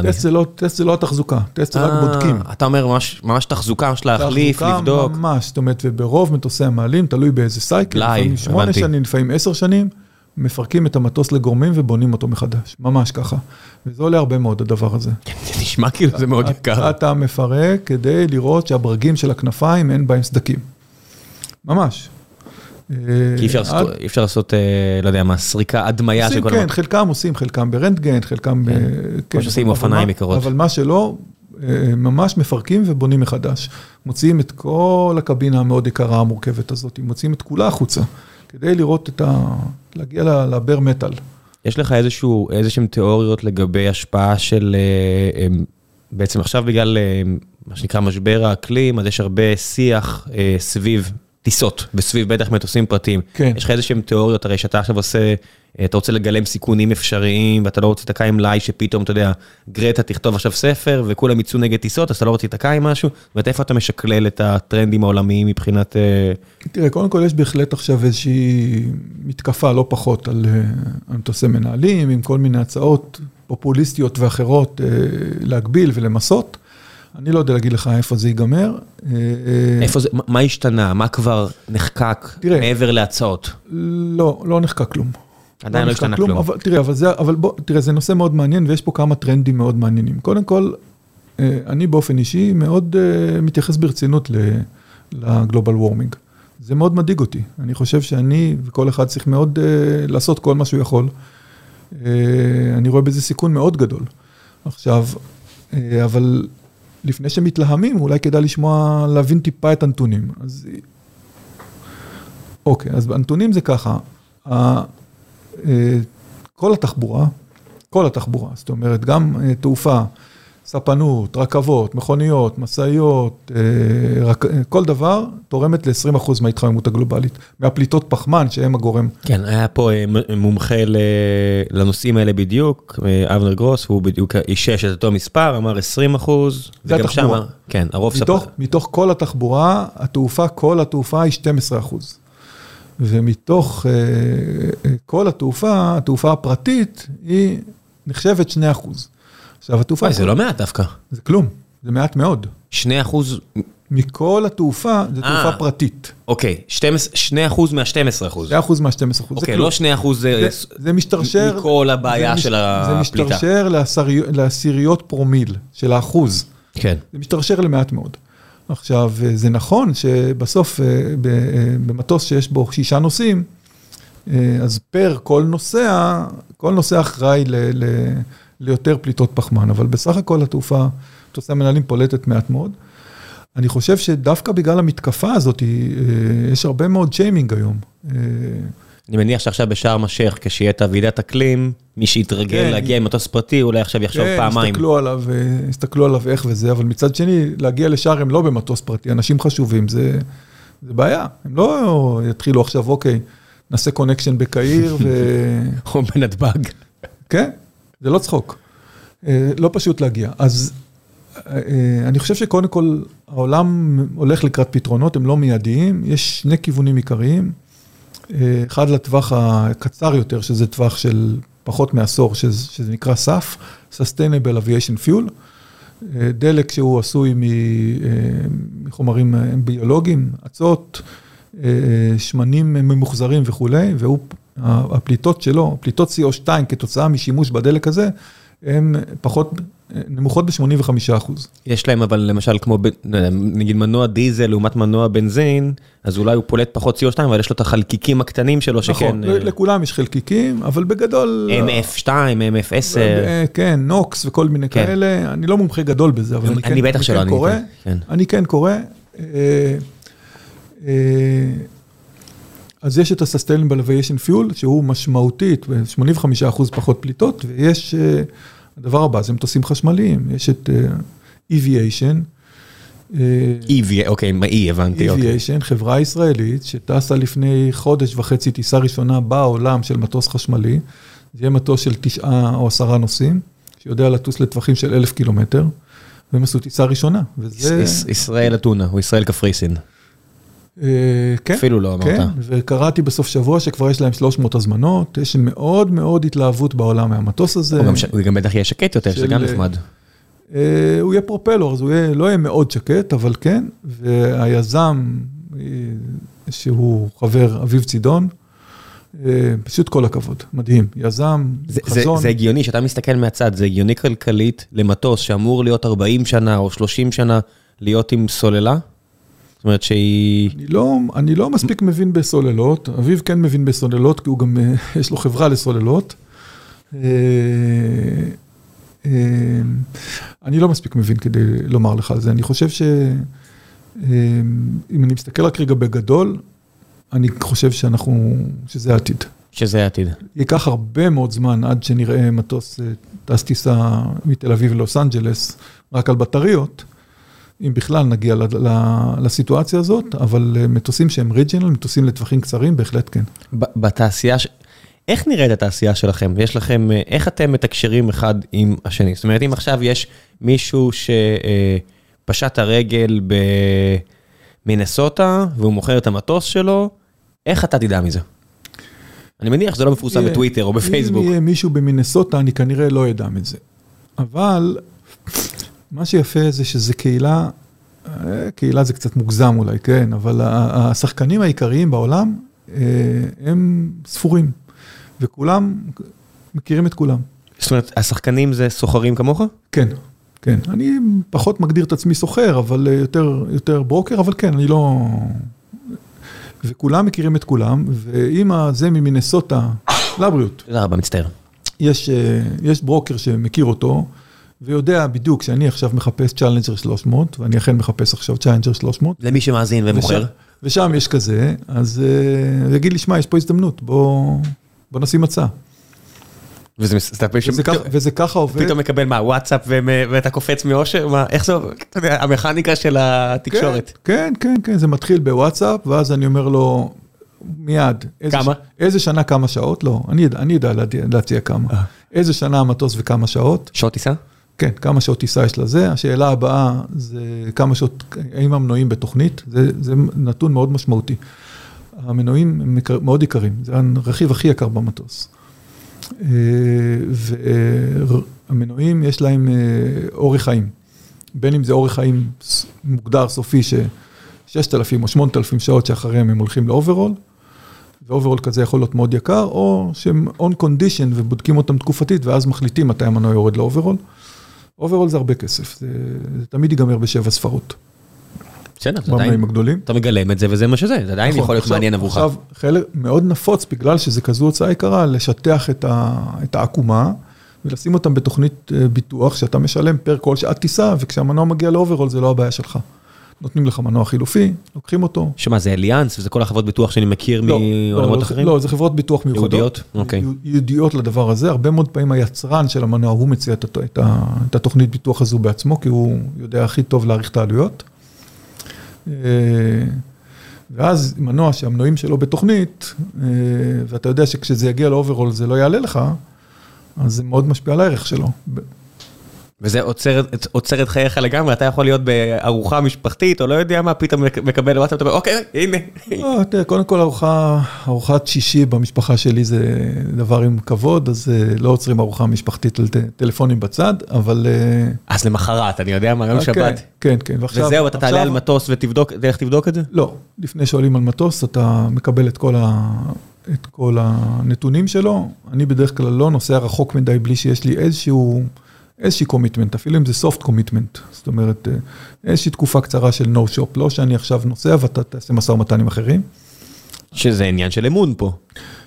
וזה אמון בן אדם שאתה לא מכיר. נכון, נכון. והמוניטין, אתה יודע, אני לא יודע, מה שאני מדבר עם משקיעים לחברה, או שהם מדברים איתי, בסופו של דבר ההנחה היא שהמוניטין שלנו מתקדם קדימה, ואז בתקווה אף אחד לא יעשה פולישטיק.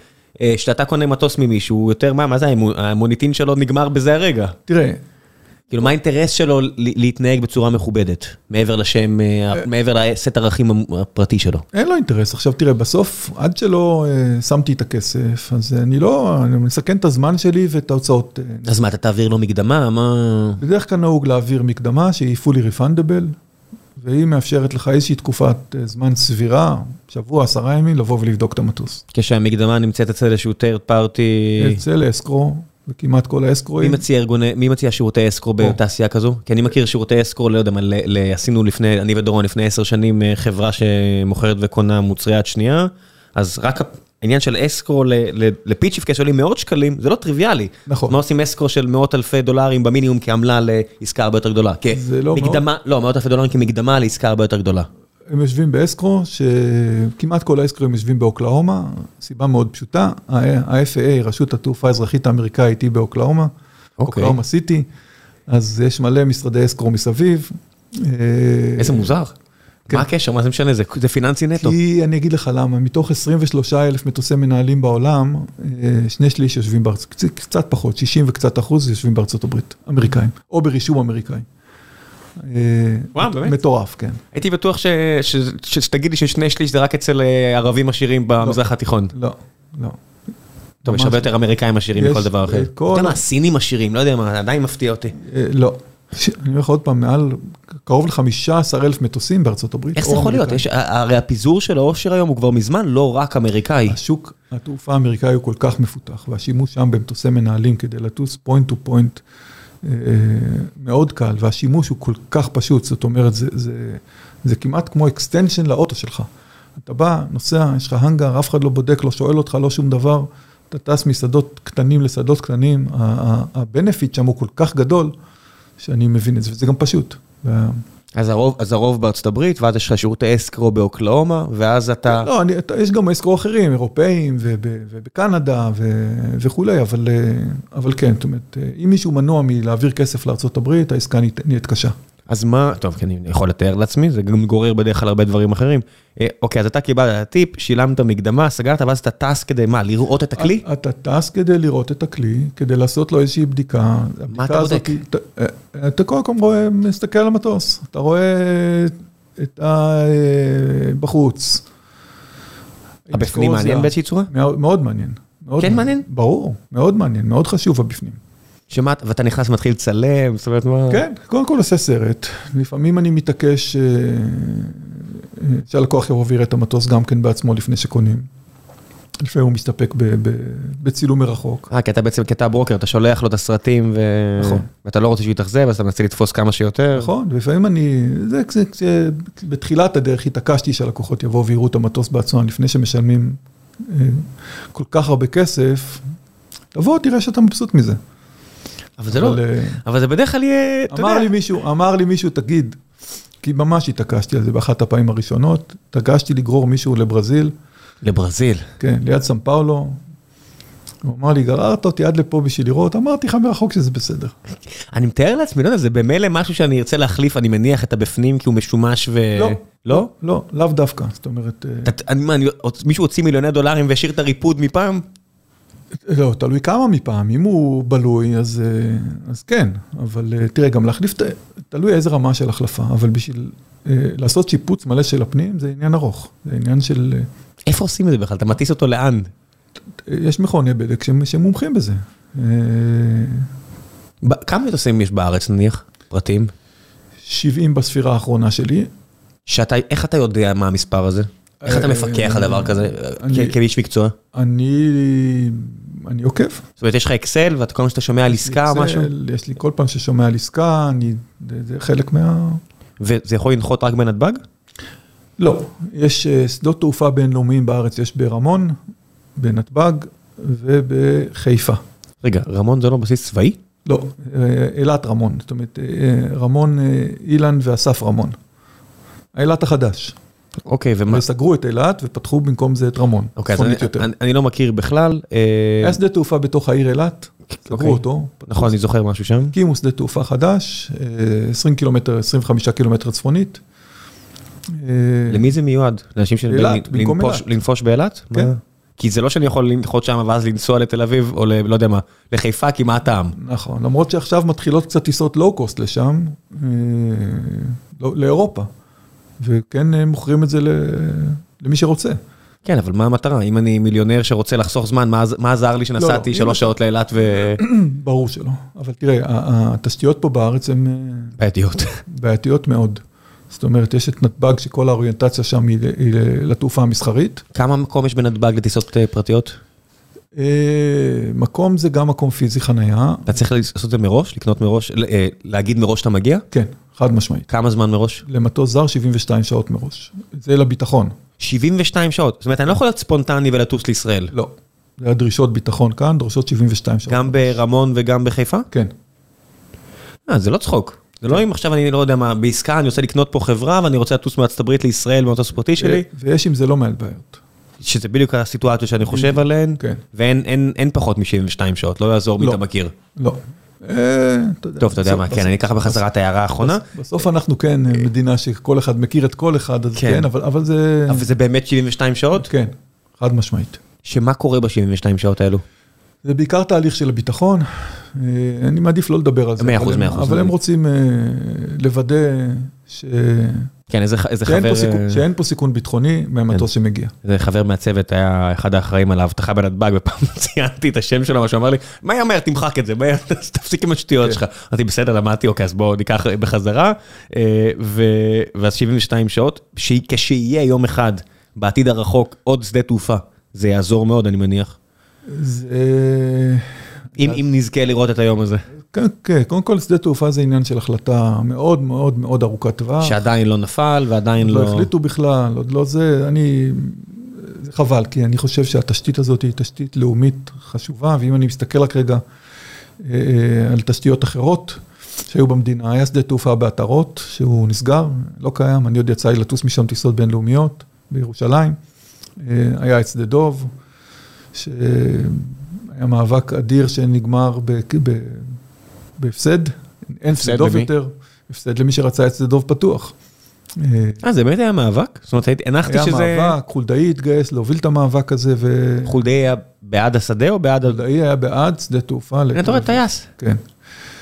אני חושב שזה קשור לזה, שזה טייס, אבל זה מעבר לזה. אני חושב שכמישהו ש... אה, אה, ראש עיר שהעיר חשובה לו, הוא ראה את ה benefit הגדול מאוד בעיר שיש לה שדה תעופה קרוב.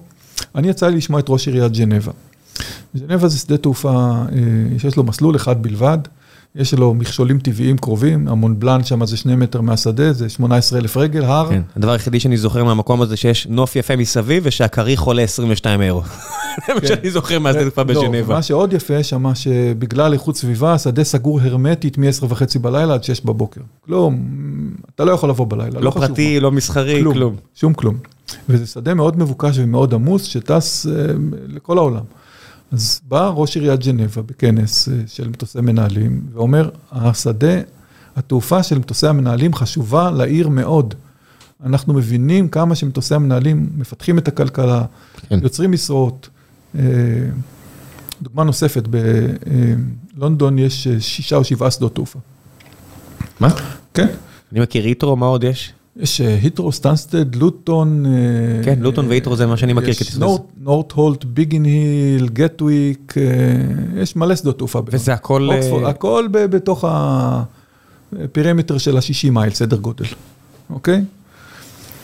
ונוצר צורך למסלול נוסף. זאת אומרת, בהיטרו יש אה, אה, שני מסלולים, נוצר צורך למסלול נוסף וחשבו איפה לעשות אותו. לא חשבו על שדה תעופה נוסף, אמרו מסלול נוסף באחד השדות תעופה הקיימים, הולכים לעשות מסלול נוסף בהיטרו, מוחקים ועושים רילוקיישן לכפר שלם בגלל זה.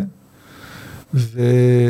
מה זה סין? מה זה הולכים ומוחקים? לא, לא. הם הסכימו? משלמים להם, הם הסכימו, כן, אה, זה לא אוקיי. סין. עשו אקזיט. זה אנגליה. כן, בדיוק, עשו אקזיט לחלוטין. כן. כפר שלם אה, אה, מתפנה, והיה מאבק בין כל שדות התעופה אצל מי יהיה המסלול הנוסף. ובין כל ה... זה פרטי בעולם? זה ב, ב, לא, בלונדון זה איזושהי רשות, רשות... אז מה זה מאבק, בין מי למי? בין שדות התעופה, חל, חלקם פרטים, כל mm. אחד רצה שהמסלול הנוסף הזה יהיה אצלו. הם מבינים שזה תורם, שזה חשוב. תוך כמה שנים נראה בארץ? בהיטרו היום, בהיטרו היום יש משרד uh, עבודה, uh, שהם מתחייבים לכל מי שרוצה שיבוא אליהם, והם מוצאים לו עבודה תוך חודש ימים. מרוב שיש ביקוש. בלי אפוינטמנט מראש, לבוא, להגיד, אני מחפש עבודה, תמצאו לי עבודה, שואלים לך מי אתה, מה אתה, מה עשית בחיים שלך, והם מתחייבים למצוא לך עבודה תוך חודש, בשדה התעופה. מרוב שיש אה, ביקוש. מרוב ו... שיש שם ביקוש להמון מקצועות, להמון דברים, כן. כן, זה בכל העולם רואים עכשיו, העומסים האלה בשדות התעופה מבוססים הרבה על היעדר uh, כוח אדם. נכון. זה בכל העולם, uh, זו הבעיה, אתה יודע. מת, מתישהו היית מצפה שפשוט השכר יעלה כדי לפתור את הבעיה הזו, אבל זה נהיה לא כלכלי, ואז אתה תקוע קצת. אני מניח שכל מיני uh, שילובים כאלו ואחרים. כן. תראה, התעופה היא צורך חיוני, עם כל מה שדיברנו קודם. על הזיהום אוויר והכל. כל הזיהום אוויר וכולי, זה יטופל, אבל תעופה היא צורך חיוני, אף אחד לא רואה עולם בלי תעופה. אה, וצריך שהיא תהיה יעילה. וזה רק עולה, זאת אומרת, אם היה איזושהי הנחה שעם זום אפשר לפתור את הכל, זה לא... אז את התעופה מפוצצים. לא, אנחנו כרגע בתעופה הבינלאומית המסחרית, לדעתי משהו כמו 12 אחוז מ... יחסית לפני קוביד. שכמה זה לפני כן עלה משנה לשנה? 12 אמ, אחוז, נגיד כמעט 6 אחוז אה, שנה לשנה, אז נגיד נוסיף ריבית דריבית, אז זה טיפה פחות מ-6 אחוזים? לא... 6 אחוזים זה הגיוני משנה לשנה עלייה? לא, זה גדול. זה זה תאוצה רצינית. כן. זאת אומרת, עכשיו אנחנו הרבה יותר, במטוסי מנהלים זה הרבה הרבה יותר, זאת אומרת, ה-COVID, הקורונה, היא עשתה שינויים משמעותיים בתחום של... של הביזנס אביישן. וזה עדיין נשאר אה, בשליטה אמריקאית, כמו שאמרת, כן, לא, לא ראית איזה שינוי. כמו שאמר לי פעם, once you fly business you can't go back, אז זה במידה רבה גם במטוסי מנהלים. ברגע שאנשים אה, אה, מרגישים את היתרון של להשתמש במטוס מנהלים, זה... לך קשה? קשה ללכת אחורה. לך קשה לחזור לטיסה מסחרית אחרי שטסת פרטי? קודם כל אני טס בעיקר מסחרי, אני טס מטוסים. אני מניח. כן. כן, לא, לא, אין לי שום בעיה עם זה. לא, לא מפריע לך. אני לא... לא, לא מפריע. אתה מבקר את הטיסה? זאת אומרת, אתה נכנסת ששומע כאילו, אתה כן. מרגיש מערבולות, אתה אומר, נו באמת.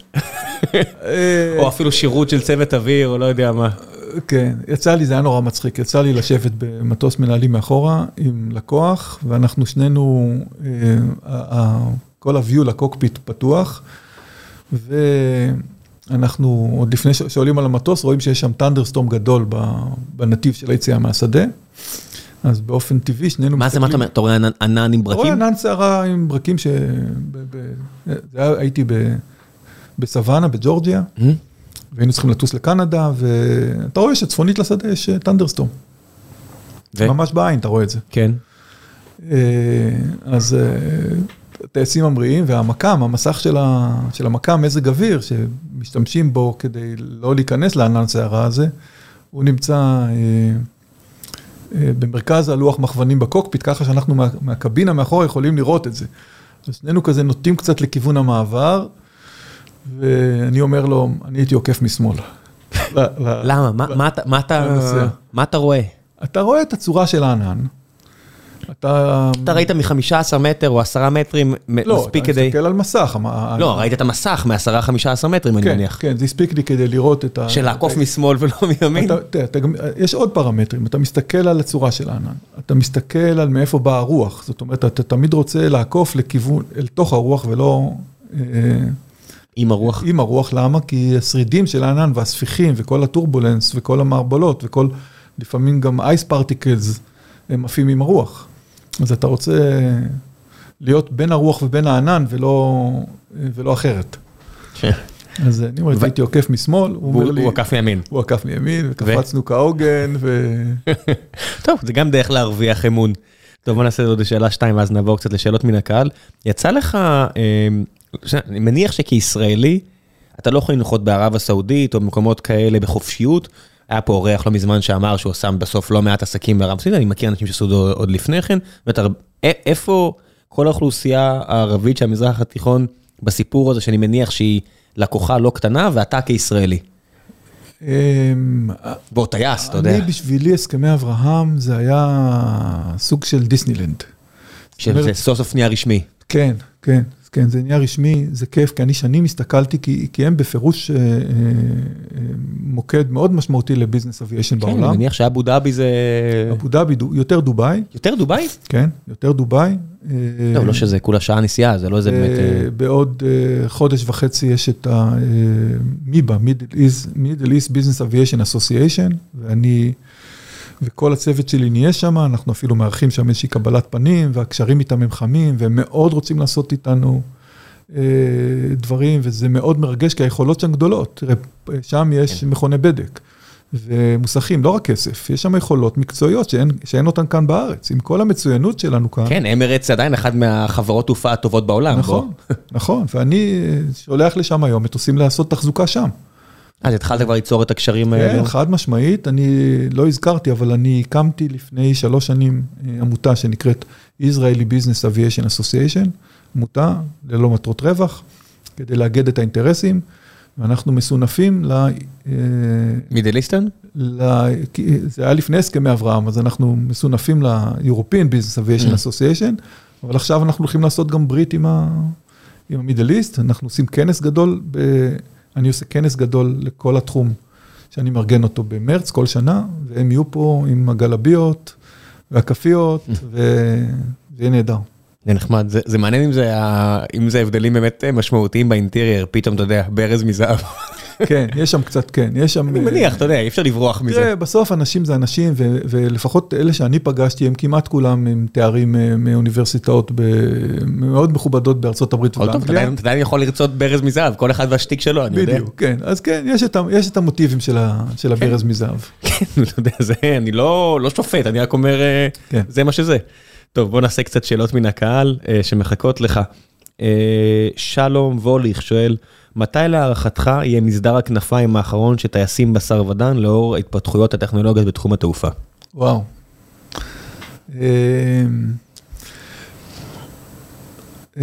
טסתי פעם עם טייס צעיר, והוא... מיראז' זה דו מושבי? חד, חד מושבי. לא, טסתי, לא, לא, טסתי בבואינג 757. אוקיי. עם טייס צעיר,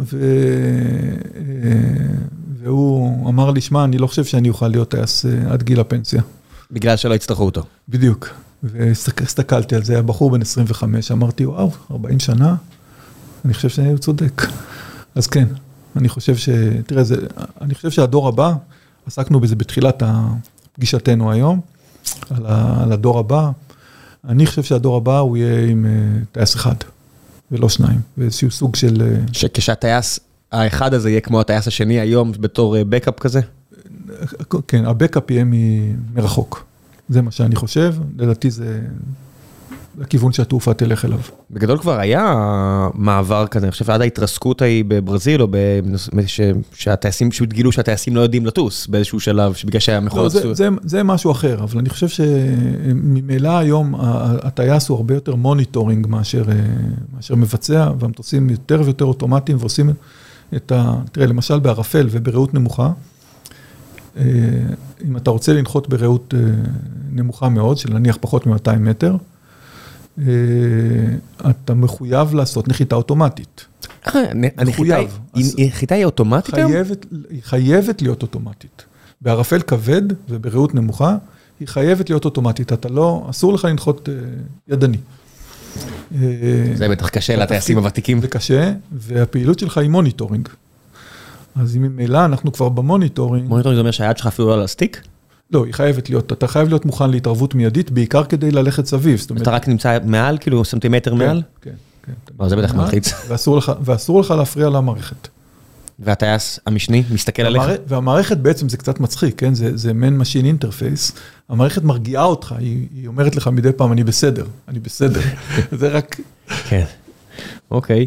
אה, אריה אמרמזון שואל, מה הדרך הטובה ביותר להתגבר על פחד טיסה? ברור שהוא אינו רציונלי, אבל משתק. אה, אתה יודע, למישהו שהוא אוהב לטוס, אני, אני כיף לי, כן. ממש כיף לי, גם שיש קפיצות, גם הכל. אה, זה, זה מאוד עצוב, והפחד טיסה הזה הוא רציני, זאת אומרת, יצא לי לחוות ולראות אה, אנשים שפחד טיסה זה, זה ממש לא צחוק. בעיניי זה גם פגיעה משמעותית באיכות חיים, בייחוד כשמדברים על חיים מודרניים. יש היום סדנאות אה, עם אחוזי הצלחה יפים. המפתח כמעט לכולם, לכל הסדנאות האלה שאני, שאני מכיר, זה היכרות. זאת אומרת, לוקחים את הפציינט להיכרות יותר טובה עם, השלבים ועם המקרים ותגובות. יש להם תוצאות יפות. תמיד אפשר לעשות, אה, לפוצץ את עצמך בחומרים משונני תודעה, אני מניח. אה, סתם, זה לא המלצה לכלום. אה, חן מור שואל, שואלת, מה הסיכוי לנמל תעופה פרטי בארץ? הרי נתב"ג הוא רווחי ויכול להיות עוד יותר לולא בעיות כאלה ואחרות. אה, זה שאלה אחת, האם יש סיכוי לנמל תעופה פרטי בארץ? אני חושב שלא. בגלל... אה, תראה, יש בארץ, אה, לפי חוק רשות שדות התעופה, יש את אה, רשות שדות התעופה והיא קיבלה אחריות על שדות התעופה בארץ. אה, אני באופן אישי חושב שזה רעיון פנטסטי, נמל תעופה פרטי, הזכרתי קודם שב, שבלונדון אה, מתחרים, אז אה, בכל כנס בינלאומי באים שדות תעופה פרטיים ומציעים לך, תבוא אלינו ככה ניתן לך זה, תבוא ניתן לך זה. אה, הם לא עושים את זה כי... מה זה זה? זה זה כסף? זה זה מה? ניתן לך לינה וארוחה? הסעה, ניתן לך אנגר. בחינם, ניתן לך זה. עכשיו, מה זה בחינם? הם מרוויחים הרבה מאוד כסף מהמטוסים האלה שבאים לשם ומשאירים שם לא מעט כסף. כן. אז זה ביזנס. כשמוריד, איתמר אה, תכלת שואל, כשמורידים את המים בשירותים ממטוס מנהלים, עדיין מקבלים את התחושה שאופס, הלך עלינו? לא הגיע הזמן להפסיק עם הוואקום הנוראי הזה? אה, במטוסי מנהלים אין ואקום. אה, מה הכוונה?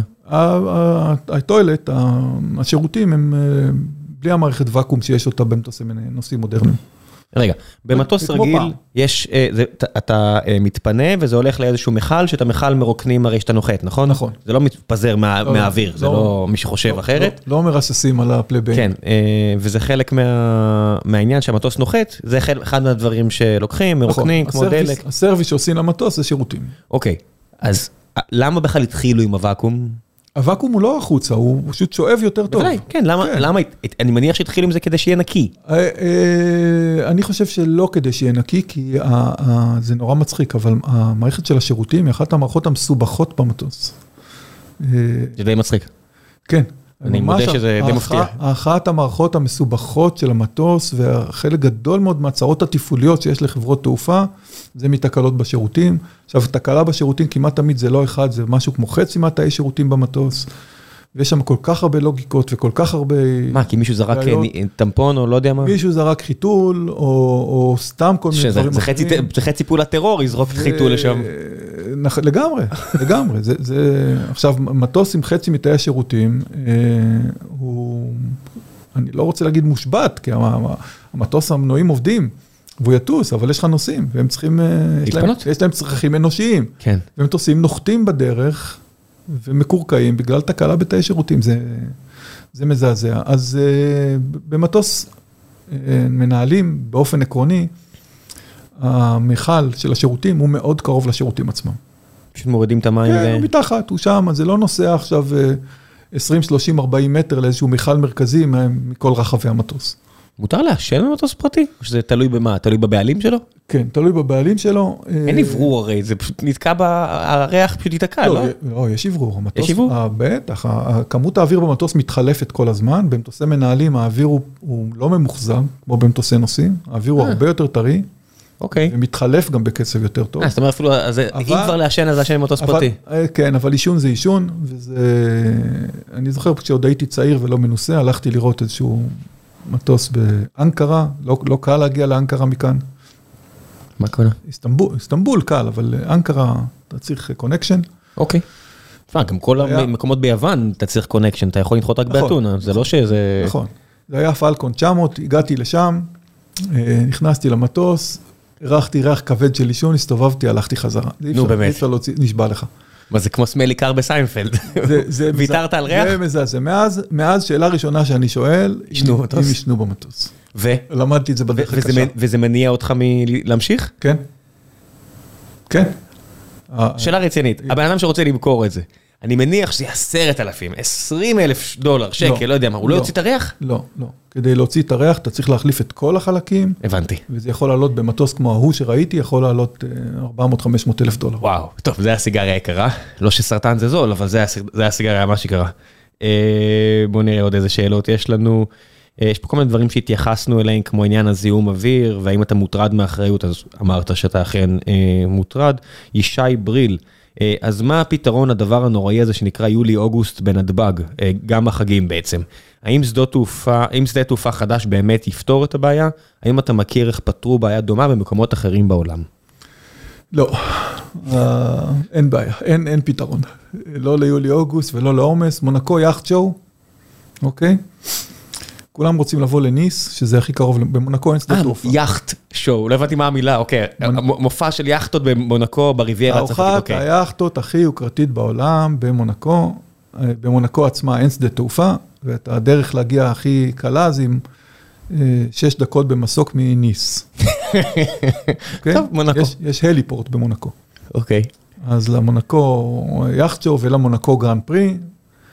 אה, ניס נסגר וסתום ומתחילים אה, לחנות מטוסים מאוד מאוד מאוד רחוק וגם שם, גם 100 קילומטר ממונקו כבר אין, כל זה כדי אין אה, אתה לא מזמין מראש. להיכנס לסלון של מישהו רק כדי לראות, "Hmm, hmm." בדיוק. בסדר, יש- יש מסורות ש- שקשה אז- לשנות. אז כן, אז גם אה, יולי-אוגוסט עמוס מאוד בכל מקום. אה, בוא נעשה, עוד- יש פה הרבה שאלות, פשוט לא נגיע לכולם, בוא נעשה עוד קצת, אה, לא הרבה. מורד אה, שואל- שואל, איך סיימון לבייב הצליח לטוס כל כך הרבה מטוסים פרטיים ואיך עדיין טס בהם? זאת אומרת, אני מניח שהשאלה פה זה, אני לא יודע, שמעתי עליו, ראיתי גם תמונה שלו כמו כולם, אין לי מושג. זאת אומרת, מבחינת מספרים, אמרת, אם אני רק רוצה לטוס מטוס פרטי כדי לעשות פוזה, כמה יעלה לי? בין 4,000 ל-5,000 דולר לשעה למטוסים הזולים, לשעה. לשעה. ואני יכול להכניס כמה. אנשים, ואני יכול להכניס כמה אנשים שאני רוצה? כן, טוב, אני יכול לדמיין סיטואציה שבה זה לגמרי הגיוני. כן, אתה רוצה קפריסין למשל. לה- עם- אה, עם משפחה גדולה או חברים. נכון, כן. ובזמנים שלך, כן. כן, כן, אני אם לגמרי זה יכול. חסך לך לילה מלון. לא, לא, אני לגמרי עוד- יכול לדמיין את הסיטואציה, זה אפילו אתה לא צריך מיליונר גדול. נכון, זה זה לא זול, אבל זה גם לא בלתי אפשרי. נכון. אה, רגע, ובוא נזכיר את זה, שעד שלפני שנתיים, בשיא הקורונה, זה היה הדרך היחידה, להתנייד לאיזשהו מקום. וזה לפעמים הדרך היחידה, אה, הנוסעים שנתקעו בספינת שי תענוגות הזה ביפן, שהתחילה את הקורונה בעולם, הדרך היחידה להביא אותם משם היה במטוס מנהלים מאוד יקר, היחידה, לא היה שום דרך אחרת. כן, שאלו פה כל מיני שאלות על מי שבוחר לטוס במטוסים פרטיים, זאת אומרת, כמה מזה זה צרכים עסקיים וכמה מזה זה סטטוס. אתה יודע? אני, אני יכול להגיד לך, הטיסות הזולות, לפעמים זה סטטוס, יש אה, אה, הרבה מאוד טיסות ל, ליאכטות, מפה, מישראל, ליאכטות לטורקיה ול, ולקרואטיה. אה, אז זה יותר נופש, אבל כמעט תמיד מה שיותר רחוק זה לא לנופש, זה לביזנס. טוב, יאללה, חלק אחרון של הפרק, המלצות. כל מה שבא לך, ספ- ספרים, סדרות, אה, פעילויות, כל מה שאתה רוצה. אתה טס המון, אז אני מניח שיש לך איזושהי רוטינה שאתה סיגלת לעצמך. כן, כן. אני, אני בדרך כלל טיסות ארוכות, מעדיף טיסות יום ומנצל את זה לעבודה, בשקט. אבל אני, מה זה מבחינתך למשל, אה, זאת אומרת, אה, אתה בטח היום כבר, היום כבר עם כל האינטרנט אפשר אה, לגמרי... נכון, אתה יכול לעבוד. כן, החבר'ה פה עושים את זה, אני בדרך כלל, אה, אני מעדיף לנוח. שהאינטרנט לא טוב, זה- הדרך לבדוק אה, יכולת סבלנות של בן אדם. ת- כן. תקלקל לו את האינטרנט ותראה איך הוא מגיב. אני חושב שיש לי שתי המלצות. אחת, אני חובב גדול מאוד של מוטו ג'י פי. זה הגרנד פרי של האופנועים, נו, אז בכלל אה, אבו דאבי אה, קוראת לך. לגמרי. ואני ממליץ על סרט שנקרא Hitting the Apex, עם narration של ברד פיט, פנטסטי, זה בנטפליקס אני חושב. והמלצה נוספת. אתה רוכב? כן. זה החליף לך את ה... סגר לך פינה? אני, אה, אני רוכב כל חיי, כל חיי רוכב.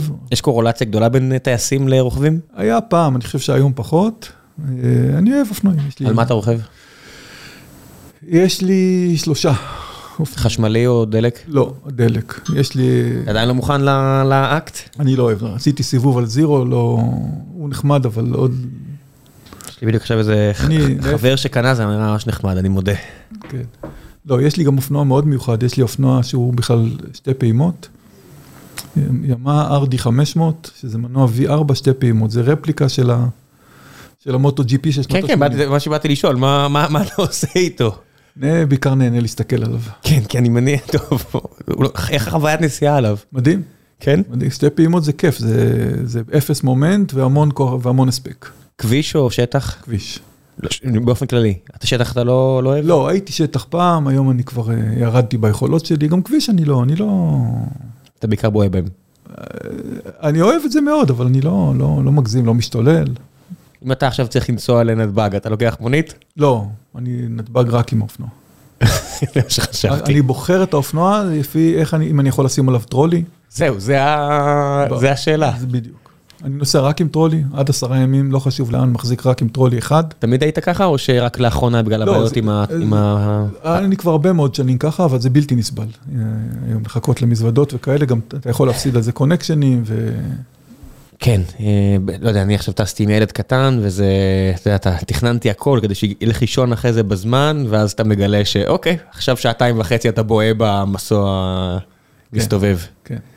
לא. זה לא רק בישראל, אנשים חושבים שרק נתב"ג בעייתי, אבל נכון. נתקלתי בבעיות בארצות הברית וב- ובאירופה, ו... לא מי שצריך לטוס חווה את זה, זה בכל העולם, יש עכשיו עומס עצום על שדות תעופה. כן. נתב"ג מיוחדת, כן, נתב"ג לא, אני לא מנסה להקל בבעיות שיש פה בארץ, זאת אומרת שחוויתי בעיות במקומות אחרים גם. נכון, וזה... אה, אתה יודע, כשאתה לא מוכן לזה, זה עצוב. אתה, אני כבר פספסתי טיסה לארה"ב, כי אמרתי שעה מספיק, בדרך כלל חצי שעה מספיק, ופתאום לא. לא כבר לא. אני, אנחנו כבר, אני מעדיף לקחת את האקסטרה ול- ולשבת לקרוא ספר מאשר לפספס, כי זה פשוט חוויה כל כך גרועה. נכון. אוקיי, אז, אז Hitting the Apex נטפליקס ו... ואני, למרות שקוראים לי גל, גיליתי את הים מחדש, בתור ילד אהבתי את הים מאוד, אז גיליתי את הים מחדש רק לפני שלוש או ארבע שנים. ואני, וואו. כן, ואני היום עושה כל מיני דברים בים, ויש מועדון בבת ים שנקרא לגונה, וכל מי שיש לו, בא לו משהו עם ים, יש שם הכל, מקייק, גלשנים. מה, אה, תפס אותך סאפים? אני, כן, אבל התחלתי מסאפ, אני עכשיו, אה, ואחר כך גל לגלוש, ועכשיו אני עושה wing foil. תענוג, ממש כן, תענוג. שכמה חברים רק- שנפלו ל- לסיפור הזה. רק מחכה לרוחות צפוניות בשביל לעזוב הכל ולרוץ. איפה אתה, כאילו, שאתה נוחת במקום אחר בעולם, אתה מנסה להרוויח... עשיתי בדובאי, איך היה שם? אחרת, קודם כל המים שם קצת אחרים, עוד לא, לא מראים לי קצת, קצת יותר שמנוניים וקצת יותר מלוכים כאלה, אולי סתם, אה, קצת דומה ל- להרגשה, לא יודע, בס- היית בסיני? כן, הייתי בדאב לא מזמן, וזה לא נראה לך דומה? אה, לא, אוקיי. לא, בדאב המים אחרים קצת, הם יותר, אה, סיני הייתי לא מעט פעמים, דובאי עדיין לא לא חוויתי. כן, משהו משהו בחוויה לא לא מושך אותי, אבל אולי יעבור לי. דאב זה פנטסטי. לא, סיני. כן, אה, דוב- דובאי, משהו שם לא... נכון, זה לא, סיני יותר טוב. כן, אה, אני מעדיף פשוט על אה, ברז מזהב. למ- למדתי, הייתי, בסרי לנקה, בקוסטה ריקה, איפה שיש גלים, אבל עכשיו אני ב- בווינג פויל. ואיך אתה בורח מלקחת ציוד ים איתך? זאת אומרת, אם אתה מאלה שאוהבים רק טרולי, אין לברוח משאתה צריך לא, את לא, הציוד. לא צריך, ל- וזה סיפור. כן? כן, לקחתי, אתה לוקח את זה איתך. בארצות הברית? ניסית? אף פעם. צריך, זה השלב הבא. טוב, אתה מגיע לכל האטלנטות של העולם, לאיפה שיש קוקה קולה ו- ובואינג, ואתה לא מגיע ל- למקומות נחמדים. נכון. כן, בקליפורניה אני מניח שנראה פחות ופחות אה, התעסקות בדבר הזה מסיבות פוליטיות. אמ, יש לי הרגשה כזו. אני לא יודע להגיד לך. כן. טוב, תודה רבה רבה רבה על הזמן שהקדשת. תודה, היה לי מאוד נעים. עד הפעם הבאה, ביי ביי.